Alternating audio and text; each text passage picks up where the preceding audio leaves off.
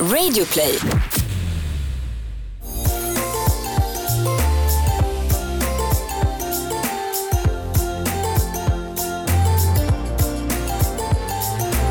Hej och välkomna till ett nytt avsnitt av Bakom varumärket där vi, Jenny Kaiser Och Jessica Morales. låter inspireras av människorna bakom några av våra absolut största och mest ikoniska varumärken. Det här är samtal som sagt var mellan himmel och jord med alltid fokus på personen bakom varumärket. Och nu skippar vi att säga att jag jobbar som projektledare på Åkestam Holst, eller hur? Ja men du gjorde ju det precis. Äh. Okej, vi eh, skippar det och sen så fokuserar vi fullt på vår gäst. För idag så välkomnar vi Kristoffer Rönnblad, marknadsdirektör på snabbmatsgiganten McDonalds Sverige till studion. Stort tack. Varmt välkommen, otroligt roligt att ha dig här. Får man förresten säga snabbmatskedja eller restaurangkedja? Ja, Den vi- korrekta benämningen. Vi gillar ju att vara snabba och det är ju klart en av våra, våra fördelar men ja, vi kallar just för tillfället Sveriges största flexitariska restaurangkedja. Du ser. Eh, där ser du synd Jessica, bra försök. Mm. Eh, hur mår du idag? Tack, väldigt bra. Mm. Kanon. Hur skulle du summera 2018? 2018 har varit nog ett väldigt intensivt år skulle jag säga. Det är, personligen förstås så blir det för mig nu ja, mer eller mindre ett år här i Stockholm. Så det har varit förstås en stor, stor omställning på det privata planet men samtidigt, samtidigt också har vi gjort väldigt, väldigt mycket fint arbete med teamet hos McDonalds och det är ju någonting som vi är otroligt glada över. Och samtidigt som vi ser att våra gäster också börjar välja oss allt oftare och det är ju egentligen det liksom ultimata kvitto på allting som, som vi har åstadkommit. Så det, där, det känns bra. Det har varit intensivt. Ser fram emot lite jul här och ser fram emot 2019 som jag är fullständigt övertygad kommer att bli ännu bättre. Härligt, bra det är positiv inställning. Men du, du har ju flyttat från eh, Finland till Sverige. Ja. Vad skulle du säga är den största skillnaden kulturellt?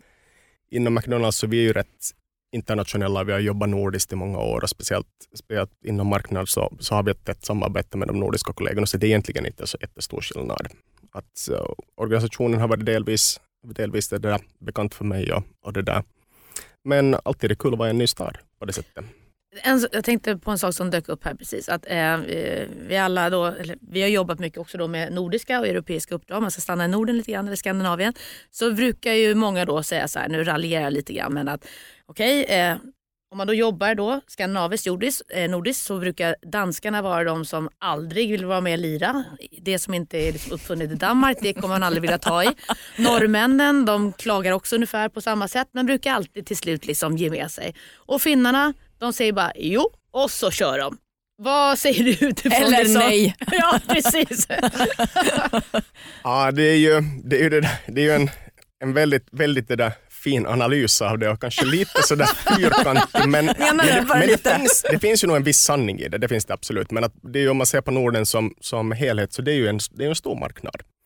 Och, och det, där, det är ju någonting som man kanske ibland glömmer när man tänker att men vi ser på Norden som en, en och samma marknad. Att det är en stor skillnad från, från Danmark nere i, i, i söder upp till, upp till de norra delarna, då liksom Finland, Sverige och Norge. Så, så det, där, det, blir, det blir långa distanser. Men sen, sen, det där, sen kan man också säga det att som jag brukar tänka att Helsingfors, då liksom min hemmast, hemmastad, så, så är precis ja, egentligen fyra kilometer kortare än vad Göteborg är från Stockholm. Så det är, Mm. det är korta, korta avstånd på det sättet också. Det man kommer väldigt långt på en timme. Mm. Eller, eller några timmar.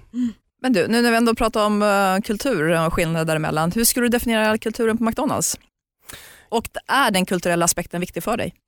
Ja men absolut och, och, och jag tror att liksom om vi ser på, på McDonalds så, så rent generellt så är det ju väldigt många som kommer med olika bakgrund. Och det är ju en av våra liksom klara, klara styrkor. Att de som har, som har kommit, kommit då det där, en del via, via restaurangen, andra har kommit in i specialistroller och, och det, där, det blir en, en på det sättet liksom härlig mix med, med olika, olika bakgrunder. Och, och det där, jag tror att det är, speciellt i dagens samhälle så, så är det någonting som, som eh, kommer vara en av våra fördelar när vi går, går vidare. Att vi inte alla är precis likadana utan vi kan förstå, förstå våra gäster på ett bra sätt och vi förstår speciellt eh, vad som händer, händer ute på restaurang.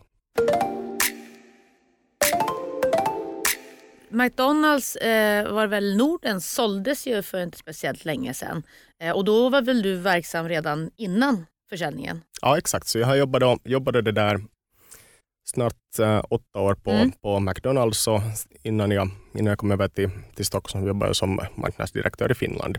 Och vad är, har de största liksom, skillnaderna varit utifrån då sen den gamla ägarstrukturen och den nya?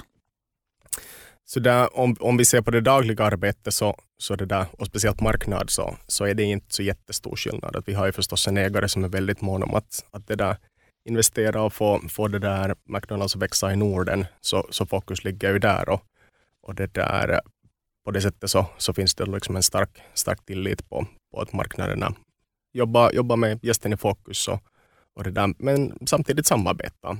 Att där ser vi att, att det, där, det finns vissa, vissa det där synergier som vi kan få genom att ha ett tätare samarbete.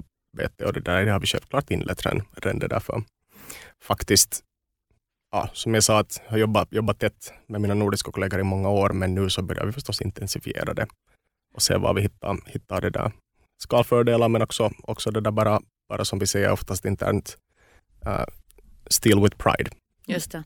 Men du, du nämnde ju tidigare att det har varit ett intensivt år uh, och det kanske inte är så himla konstigt. Här. Du fick ta över, när du kom till Sverige fick du ta över efter både Jeff och uh, Raymond när de lämnade. Uh, och de två, deras två roller som var marknad och PR slogs ihop till en. Har vi förstått det rätt då eller? Ja det stämmer. Det var, så, så där, från och med första november så, så gjorde vi en, en ja, rätt stor omställning av, av det där organisationen här i Sverige. Och, och i det, det, det där, eller resultatet blev att Consumer Business Insights, marknad, communications och digital samlades under, under det där, det som blev min, min nya roll. För att vi, vi har båda varit involverade i McDonalds vid olika tillfällen genom åren. Uh, och vad jag vet så hade både Jeff och Raymond ganska mycket att göra back in the days. Jag känner att du fick ganska stora skor att fylla. Ja, men det, det som jag sa, det, det är det där, båda, båda herrarna så har jag stor, stor respekt för. Vi har jobbat tillsammans också i många, många år. Och, uh, man, gör, man kan ju inte säga att man gör saker bättre, men man gör det på ett annat sätt. Och då får man ju liksom säga att vad är det bästa, bästa ur ett gästperspektiv och hur kommer vi, hur kommer vi, vi närmare våra målsättningar. Så, och en av de målsättningarna var ju att kanske bryta ner de, de silos som vi hade, hade byggt internt och, och skapa mera kommunikation mellan, mellan det där de olika avdelningarna. Att faktiskt en av, en av de första grejerna som jag noterade när jag satt, satt på en, en stol vid ett bord där så undrade jag att, men hur kommer jag till marknad? Ja, men det är två låsta dörrar. Okej, okay, men var hittar jag Consumer Business Insights? Ja, men de, är lite, de sitter i källaren. Och det där, så en av de första, första omställningarna blev ju att, att fundera, men vänta kom, nu att, upp, kom upp i ljuset. Ja, men kom upp i ljuset och kom liksom, eh, börja snacka med varandra och, och börja jobba tillsammans. Så liksom, det fanns redan ett, ett det där, ska vi säga, ganska liksom stort fysiskt uh, avstånd mellan, mellan de där avdelningarna. Det var någonting som vi behövde, behövde fixa till. Icke att förakta, det är en jätteviktig aspekt. Ja. Ja, du, eh, när man då kliver in då, eh, i sånt här företag, jag säga, men också på den här nya tjänsten och så vidare, så kommer ju ens ledaregenskaper eh, fram som ett ganska viktigt verktyg i hur man ska ta avdelningen och också verksamheten framåt. Vad är, vad är din ledarstil skulle du säga? Så jag gillar ju att, jag gillar att ha ett team var, var de som, som, som jag jobbar med så att de tar själv ett personligt ansvar. Och det där, jag har en chef också som, som det där väldigt mycket gillar ordet accountability. Och det är någonting som jag tror att vi har jobbat också, också båda två många år tillsammans och någonting som, som jag bär med mig. Att, att liksom man har ett personligt ansvar och, och speciellt när vi jobbar med franchisetagare vars personliga egendom vi egentligen investerar för att hämta mera, mera gäster till restaurangerna, så blir det nog att man behöver känna sitt ansvar för, för det där, både för, för franchisetagarna men också, också förstås mot sina kollegor. Att man levererar. Så mycket, mycket liksom, man känner sitt ansvar, man har frihet, men, men det där samtidigt också se till att alla, alla hänger med. Kommer mandatet med det också så att säga utifrån då individer? Får man ett stort mandat eh, om man jobbar på McDonalds? Det skulle jag nog säga att man får. Det får man. att, att det där. Men självklart för att få ett stort mandat så gäller det också att ha med, ha med det där. Då I vårt fall blir det mycket franchisetagare, det blir, blir att hålla med ledningen, det gäller att hålla med ägaren också, att ha alla de, de, de där med på, på resan. Franchisetagarna är ändå ett gäng med ganska starka viljor. Det är ju vi pratade tidigare om att uh, försöka styra ett 18-manna spann. Hur lyckas man förena dem? Jag tror det mycket handlar om, om, om helt bara liksom dialog. Det var någonting som, som det där, så egentligen det var liksom tre saker som jag sa att, att när jag tog över som behöver liksom då lägga, eller jag behöver lägga min energi på ett är förstås att få teamet på plats. Det andra var att få ett väldigt tajt samarbete med franchisetagaren och det tredje var att se till att vi har, har ett världsklass team på, på våra byråer. Och, och då blev det liksom att, att ta dialogen med franchisetagarna och det där. Och jag tror att det första mötet som jag hade i Göteborg med, med gänget där, så jag bara att jag har ingen agenda. Men jag har en timme nu här, och jag vill bara lyssna. Att berätta, berätta vad, vad liksom, hur uppfattar ni problemen och hur uppfattar ni liksom, att vi ska ta varumärke framåt. Och, och det där, jag kommer inte att dra några slutsatser idag, men jag kommer att dra slutsatser om, om säg en vecka. Och jag kommer att rapportera, rapportera tillbaka till er och, och det där, då på det sättet, sättet det där, äh, uh, börja styra in oss på en ny riktning. Och sen samma dialog med, med gänget uppe i Stockholm också. Och det där, bara lyssna. För att eh, vad vi har förstått lite grann då när vi har gjort vår research kan man säga att ditt huvudsakliga fokus, hur vi har tolkat det i alla fall, det är ju att du ska göra en helomvändning av egentligen McDonalds Sverige. Stämmer det eller vad betyder det egentligen? Det som, det som vi ser, liksom, eller som vi kallar om som helomvändning, att det har gått bra för McDonalds i, i, i Sverige i många år när det kommer till, till, det där, till försäljningen och, och vi har slagit försäljningsrekord här. Men samtidigt så vet vi att vi kan prestera bättre. Och, och det, där, det är ju självklart också en av orsakerna säkert till att jag sitter här nu, nu för tillfället här i, i den här fantastiska studion här i Stockholm.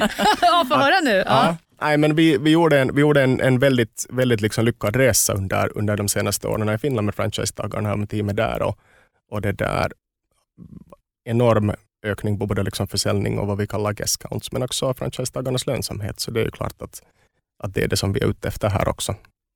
Alltså, det var en sak som jag eh, tyckte mest om när jag, då var jag på mediebyrå och jobbade tillsammans med McDonalds. Men det var ju att vi som konsulter eh, var ju lika eh, intresserade, lika så att säga, påverkade av resultaten eh, utifrån försäljning. Och då fick man ju daglig statistik i sin telefon och sin mail om hur liksom dagens eh, restaurangbesök hade gått och genomsnittligt kvitto och så vidare.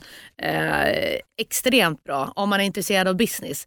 Och det är eh, jag och det är Jessica och det är vi på liksom, den byrå vi jobbar på. Att reklam och marknadsföring, kommunikation i all ära, superhärligt och härliga idéer och så vidare. Men vad ska det leda till? Vilket värde ska vi lösa eller ska vi leverera? Och vilka problem är det vi egentligen som kommunikationen kan hjälpa till att bidra med att lösa?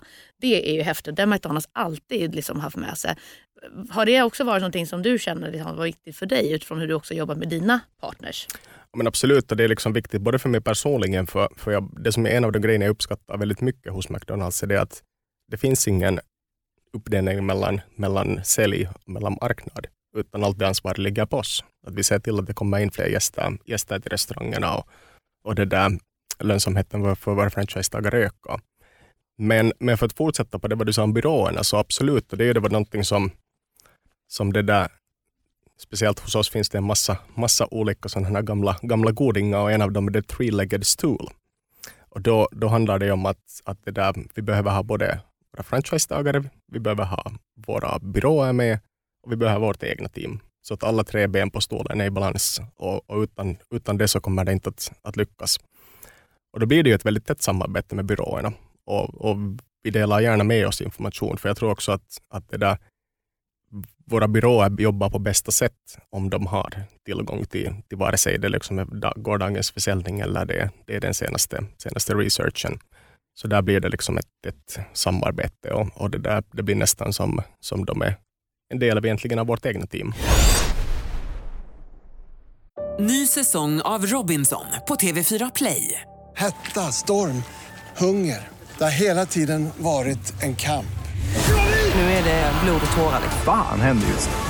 Det är detta inte okej. Okay. Robinson 2024, nu fucking kör vi.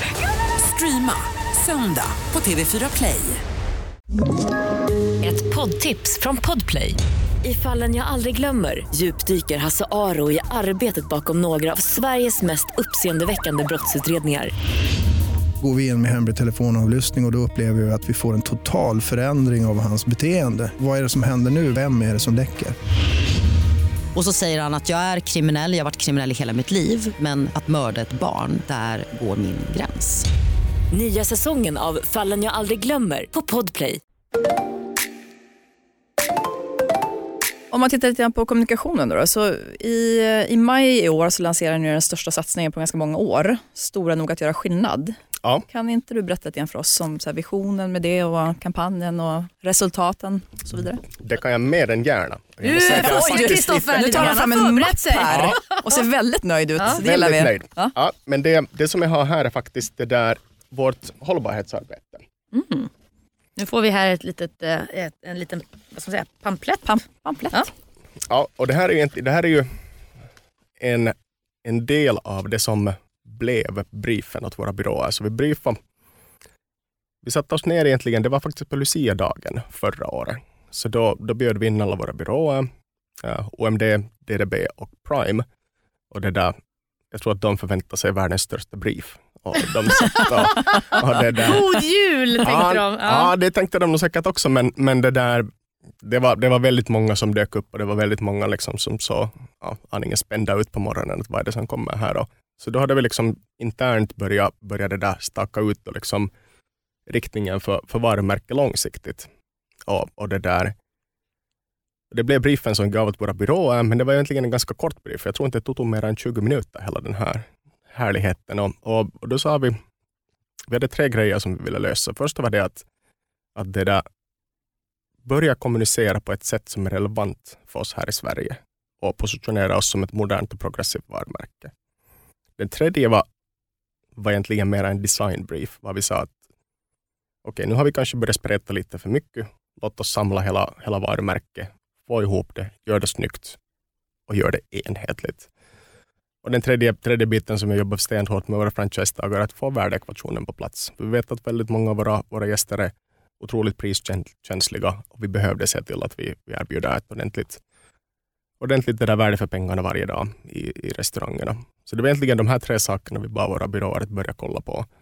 Och sen förstås så, det där, ja, du sa god jul där, det tänkte vi också att Är det ett sånt call off Christmas? Nej jag skojar. Nej, men vi jobbar nog väldigt snabbt för vi hade nog en bri- debrief nästan, vad ska jag säga, en vecka, två veckor efter det och, och det där innan, innan jul och sen, sen genast i januari började jag jobba på det.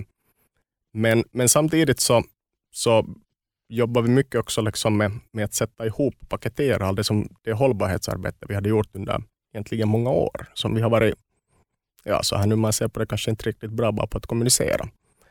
Och det blev egentligen det som ni har i handen Mm. nu, som är då liksom rapporten, rapporten för det där vårt hållbarhetsarbete, som fokuserar på de, vad vi kallar tre M, maten, människorna och miljön.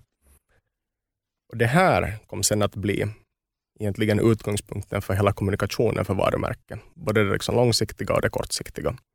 Och det är egentligen på den resan som vi är nu här, några, ett halvår, halvår senare. Vad har varit den största utmaningen med den här resan so far? Tid, tid är ju alltid liksom oftast den som, den som är liksom är emot en och, och det blir ju att liksom hushålla, hushålla med, med tiden på ett effektivt sätt. Så det tror jag liksom att, att vi nog alla internt har känt att, att det där, skulle vi ha haft lite mer tid så, så skulle det varit säkert skönt. Men samtidigt tror jag att man har en, har en tight deadline några månader senare så blir det, blir det också väldigt effektivt. Jag tänker också så att eh, McDonalds har ju eh, i alla år på i stort sett alla marknader varit en av världens absolut bästa eh, marknadsförare skulle jag vilja påstå. Jag kommer ihåg att en sak har inte med, eller med reklam att göra, men just att den här pamfletten vi håller i eh, är ju också designmässigt med eh, den här relativt nya gröna färgen. Mm. McDonalds var ju tidigare rött och gult. Väldigt, väldigt starkt. Eh, och jag vet att det var en stor diskussion kring eh, riskerna med att byta bort den röda mot den gröna. Eh, har ni sett något resultat av det eller har människor bara accepterat det här och har det också då påverkat signalvärdet utifrån McDonalds som ett hållbart varumärke?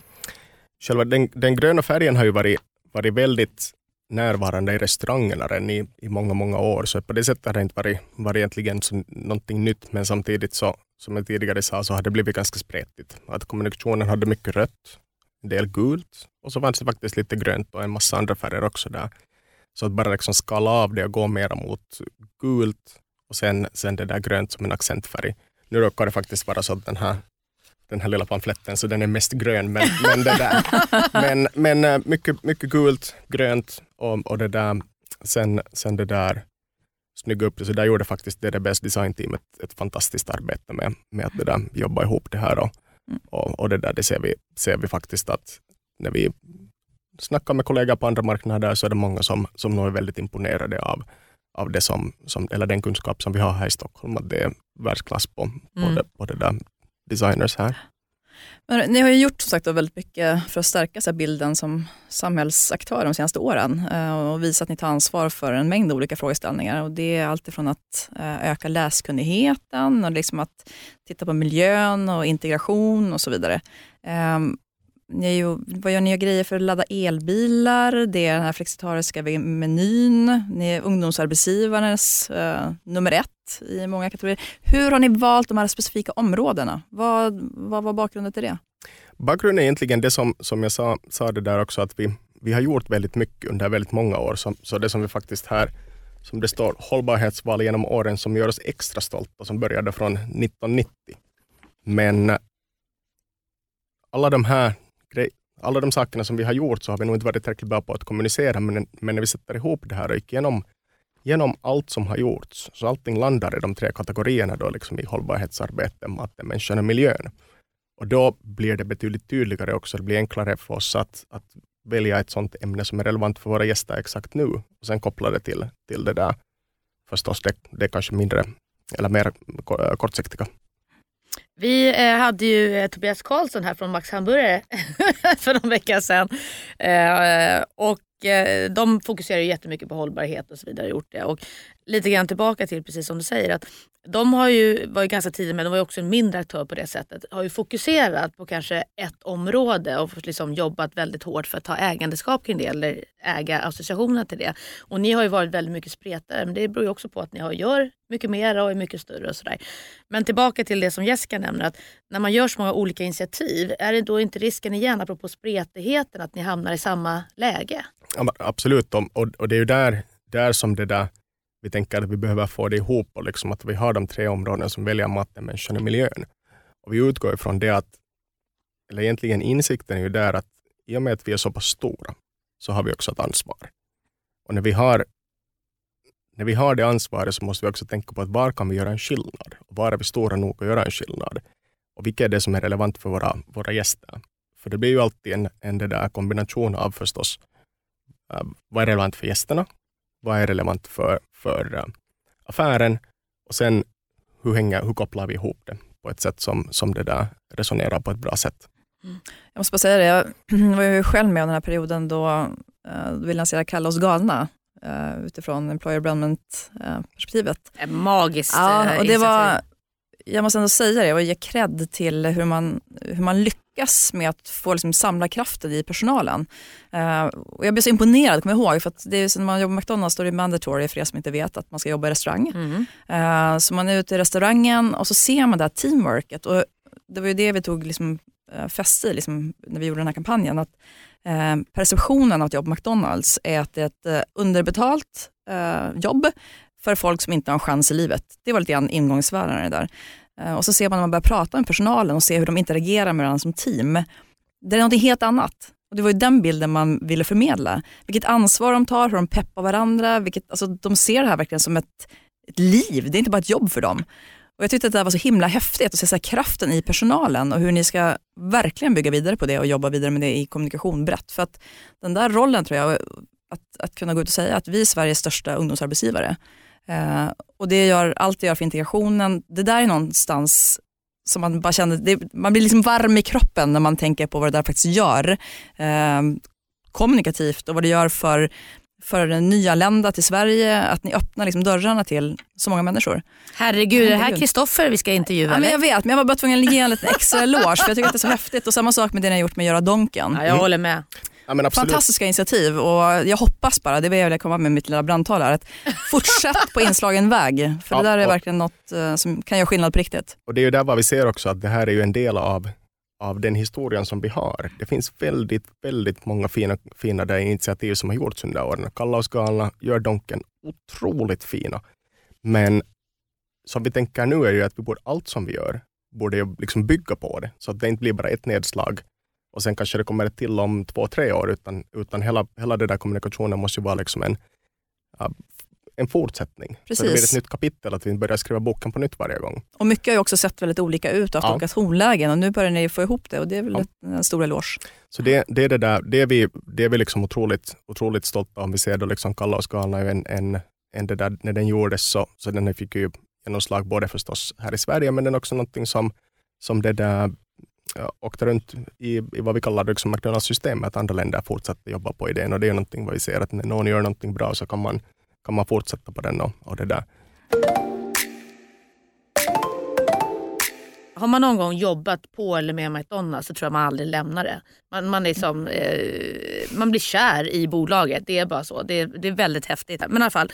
Eh, kommunikativt lite grann. Vi brukar prata om att man bygger reklamkapital till exempel. Eh, många aktörer det är viktigt så att man kan liksom få ökad effekt på sina investeringar. Men eh, vi har bollat lite grann och liksom landat Har ni något kommunikativt koncept? Ja, det, det är liksom sen, Tystnadtagning. Nej, men bara nyfiken. Ja, men det, men det, som vi, det som vi kallar, liksom- eller vårt kommunikationskoncept är ju liksom stor nog göra skillnad. Mm. Det är ju det, jobb, det, det, det namn som vi sjösatte då den 15 maj och där ser vi att, liksom att genom att, att göra en liten förändring så kan vi påvisa den stora skillnad som vi gör, gör det där i samhället. Både, både stort och, och, och smått, högt och lågt. Och det där, där kommer vi in på till exempel då det att eh, genom att lansera en vegansk burgare, som faktiskt då var den första i, i McDonalds-systemet, så blev vi Sveriges största flexitariska restaurangkedja över en natt.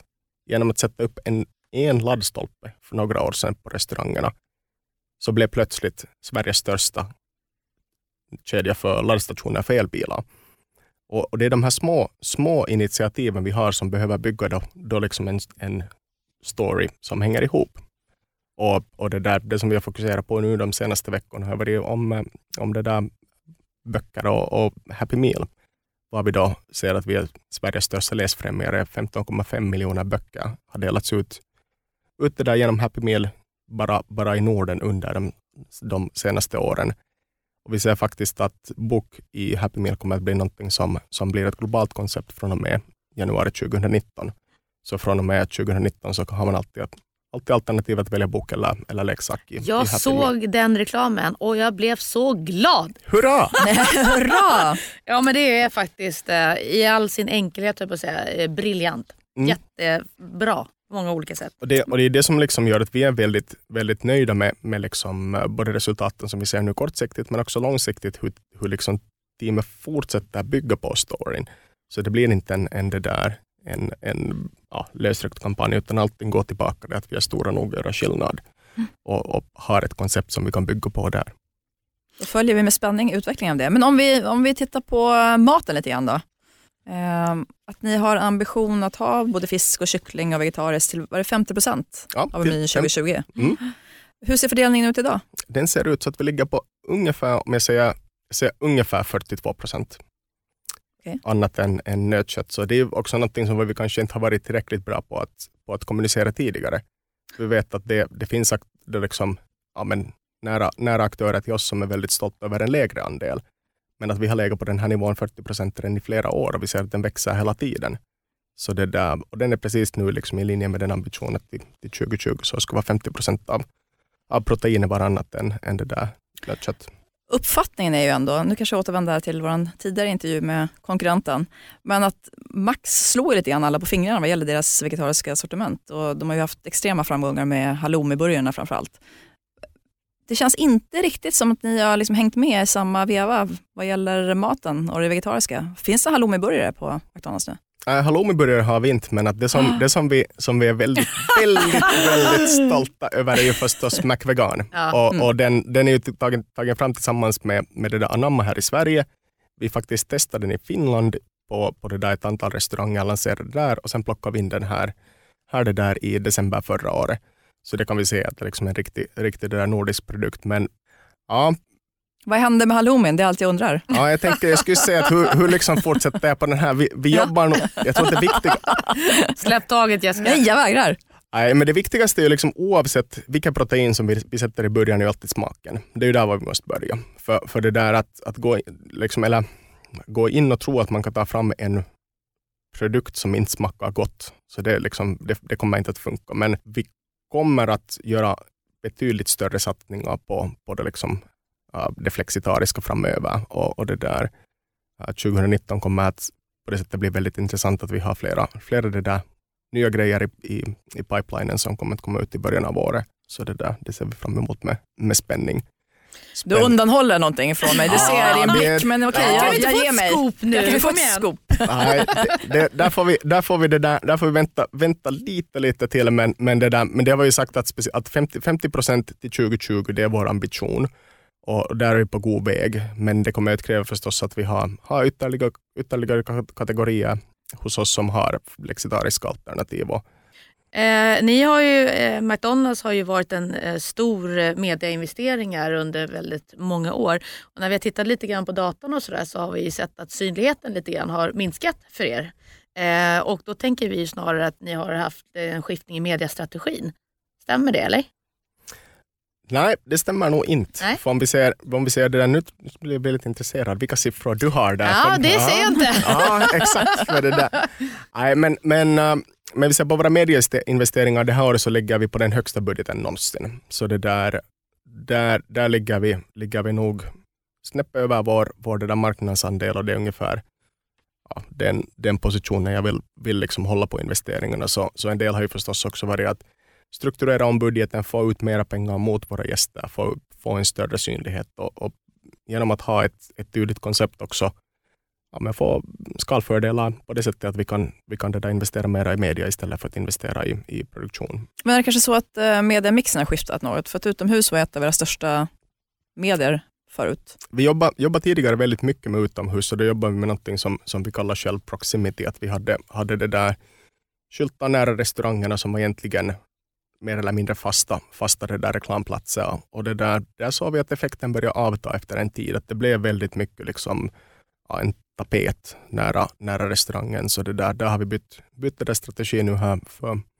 ja, ungefär ett och ett halvt år sedan faktiskt. Och det där jobbar mera med, med det där större, större utomhuskampanjer då när vi har ett, ett budskap som vi vill, vill det där få ut. Men så där på det stora hela så, så det där ligger nog mediamixen mixen det där, ja, så som vi kanske skulle säga haft en traditionellt att vi är en stor investerare i TV. Det kommer vi att fortsätta vara. Äh, vi jobbar mycket med utomhus, med radio och förstås med, med, med det digitalt, var man sen kan vara lite mer snabb, snabbfotad. Men äh, jag hade en intressant diskussion här med, med det där en, en kollega för, för några dagar sedan, helt bara liksom om mediamixen och hur vi ser, hur ser på den framöver. Och, och det där, jag tror att det kommer att vara så att när vi sitter här om två år så har vi många annonsörer som går tillbaka till mera vad som någon skulle kalla kanske traditionella medier bara för att se till att budskapet är en omgivning som uppfattas som säker och, och, och trygg och man, man har kontroll över sitt budskap. Så det där, vi fortsätter vara, vara liksom aktiva inom det digitala men, men det där, vi kommer nog fortsätta också med att, med det där. köra. Kommer den där tiden att komma då man kan ha kontroll som annonsör över sitt budskap? Eller är det en utopi? Ja, jag tror att det nog liksom är en, en, en utopi. Jag tror att du, du är ute efter det svaret också här. Men det där, Ledande fråga. ja, ledande fråga. Ja. Nej, men inte har man ju någonsin kontroll över sitt budskap och då behöver man ju vara liksom förstås proaktiv och ta del i, del i dialogen. Men, men, det där, men där var, var man kan kontrollera sitt budskap och man kan kontrollera omgivningen så tror jag att det liksom blir viktigt för, för annonsörerna framöver att, att det där, ha en, en trygg ja, och säker omgivning. Men då, alltså det, det jag hör här nu som också Kristoffer har lovat både oss och lyssnarna det är att eh, om vi kör vidare om två år då ses vi igen. Ja, det gör vi absolut. Senast ska jag säga. Senast. Det är bra. Vi ska titta lite framåt här innan det är dags att eh, runda av. Eh, vi står som sagt var snart inför ett eh, nytt år. Och vad skulle du säga är eh, McDonalds, inte kanske största utmaningar utan mer möjligheter? Vad är fokus under 2019? Vi kommer nog att fortsätta bygga på det som vi har sjösatt nu det här året. Det, det fortsättning version två. Det är som, som någon frågade mig här för några, några dagar sedan. Att vad, vad, liksom, vad är du mest rädd över för tillfället? Mest rädd är jag nu att vi börjar spreta igen. Och att vi inte håller ihop det. Och det är någonting som vi har, vi har snackat väldigt mycket internt också. Att, att det där, fast vi har gjort mycket bra som har lett till, till väldigt, väldigt bra resultat också på kort sikt så betyder det inte att vi behöver återuppfinna hjulet utan vi behöver fortsätta bara hålla ihop det. Så det, där, det, blir nog en, det blir nog en fortsättning. Vi fortsätter skriva kapitel i vår, i vår bok. Utan vi börjar, kommer inte att börja på en ny bok. Men det där, sen kommer det att bli spännande nyheter både på, på produktfronten men sen så i och med att vi också är på vägen på en resa att, att vad vi kallar bygga ett bättre McDonalds så, så kommer ju restaurangupplevelsen att bli annorlunda också. Vi har nu, nu är det där på ungefär hälften av restaurangerna eh, lanserat bordsservering det här året. Någonting som vi, vi det där gjorde första piloten på i april och nu ligger vi ett halvår senare på, på det där nästan, nästa hälften av restaurangerna. Och där är målsättningen att alla restauranger ska ha bordservering servering det där inom, inom de närmaste Det är ett ganska år. stort skifte. det är ett väldigt stort skifte. Det är någonting som våra, våra gäster uppskattar otroligt mycket. Och då, då blir det ju en, en, både en digital upplevelse men samtidigt en betydligt mer personlig upplevelse i restaurangen. Man kommer in, beställer, beställer digitalt på kiosken, sätter sig vid bordet och maten levereras där. Och det är någonting som vi ser att ingen av våra konkurrenter gör för tillfället. Det är otroligt trevligt. Ja, Jag skulle också, lite grann som du säger, det, det som är så spännande med ett företag som McDonalds, och det finns ju eh, väldigt många andra aktörer i andra branscher också. Där problemet är ju inte att man inte har något relevant eller intressant att förmedla, utan det är att man har för mycket som man vill både få ut och som eh, konsumenter, målgrupper, stakeholders verkligen skulle eh, ha värde utav att få ta del utav. Och där handlar det verkligen om att här, identifiera vad är det som är viktigast utifrån att vad kan bidra till de andra delarna. Eh, och det där jag tänker så här, vad, vad kommer att vara viktigast för McDonalds tror du 2019? Är det någonting ni måste foka och, och äga 2019? Vad är det?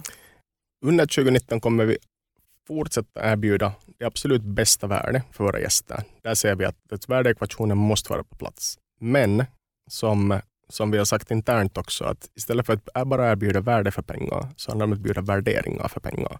Så vi kommer att fortsätta bygga på, på det kommunikativa konceptet med stor nog göra skillnad. Vi kommer att fortsätta rulla ut bordservering. Vi kommer att fortsätta rulla ut McDelivery, som vi har nu i Stockholm, Göteborg och Malmö. Och eh, vi kommer att börja upp, öppna upp nya restauranger. Ni är på gång kan man Vi är verkligen på gång, säga. det kan vi säga. Härligt. Men du, eh, om man är lite mer filosofisk då, då utifrån perspektivet eh, vad som är viktigast för varje företag idag och framåt. Om man tittar på en liten högre nivå, vad skulle du säga Övergripande då? du då? Övergripande. För företag generellt. För företag generellt, Mm. så det absolut viktigaste är att hålla gästen starkt i fokus. Det är Kund, kundcentreringen. kundcentreringen och där tror jag liksom att hur enkelt det än kan låta, hur banalt det än kan låta, så om man, om man missar det så missar man allt annat. Check, det var rätt svar. Ja, check på det. Perfekt. Bra avslutning Kristoffer. Ja, eh, eh, men ändå vill man ju också veta någonting om dig personligen. Sådär. Eh, vad drömmer du om inför det nya året? Jag vill personligen att vi får en fantastisk sommar Sverige nästa år också. Kanske inte riktigt, riktigt lika varm, men jag ser fram emot en, en, en fin sommar och, och sen ser jag fram emot att jobba med alla våra härliga kollegor. Det är liksom det som, som det där, åtminstone på det, på det liksom professionella planet, kommer att, kommer att ge mycket. Härligt. Då eh, har ju vi en liten avslutning som vi gör med alla våra gäster och det är att vi kör fem snabba. Vi kommer att säga fem olika ord och sen så säger du det första som du tänker på. Okej. Jag börjar. Nu blev han nervös här. Nej, det är ingen fara. Nej då, Nu kör vi. fara. Vi kör. AI. Nu blir det nästan AIK, då blir det en ord näst efter det så blir det Djurgården. Det går bra. Pengar. det är någonting som, som man får när man har gjort, ja, man har nått sina mål. Eller företagen når sitt mål. Det är liksom resultatet. Passion. Behövs alltid. Jul. Om en månad. Big Mac. Världens bästa burgare. Ja, jag gillar Big Mac Boom. också. Fast jag är faktiskt mer av en McCheese. eh, men ändå, det är som jag ser ut också. jag att. Nej men i alla fall, eh, vi hade kunnat sitta här hela kvällen.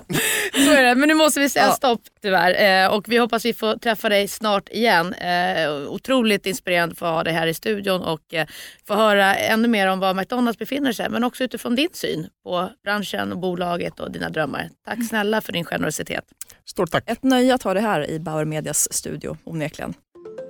Ja, kära vänner, det här var sista avsnittet av första säsongen av Bakom varumärket. Det har varit en fantastisk höst får vi säga, Jenny. Vad säger Ja, du? ja, det får vi säga. Det känns nästan surrealistiskt eh, att faktiskt säga det. Eh, och vilken höst vi har haft. Vilka spännande människor, Vilka samtal. eh, inspiration vi har fått, Verkligen. ny kunskap. Hela tiden. Eh, och vi är såklart jätteglada över er som har följt oss under hösten. Så nu önskar vi inget mindre än att ni ger oss eh, era reflektioner, önskemål, tankar inför framtiden. Eller om ni till och med vill att vi ska lägga ner så skriv gärna det. det är jätteenkelt att höra av sig. Det är bakom varumärket at bauermedia.se. Tack och hej. Du, jag ska faktiskt säga någonting innan vi ramar. Tack till dig Jessica. Tack till dig Kajser. Ja, fantastiskt har det varit. Vilket trevliga samtal vi har haft. Ja, vi fortsätter rocka, eller hur? Lätt. God jul, gott God nytt jul. år!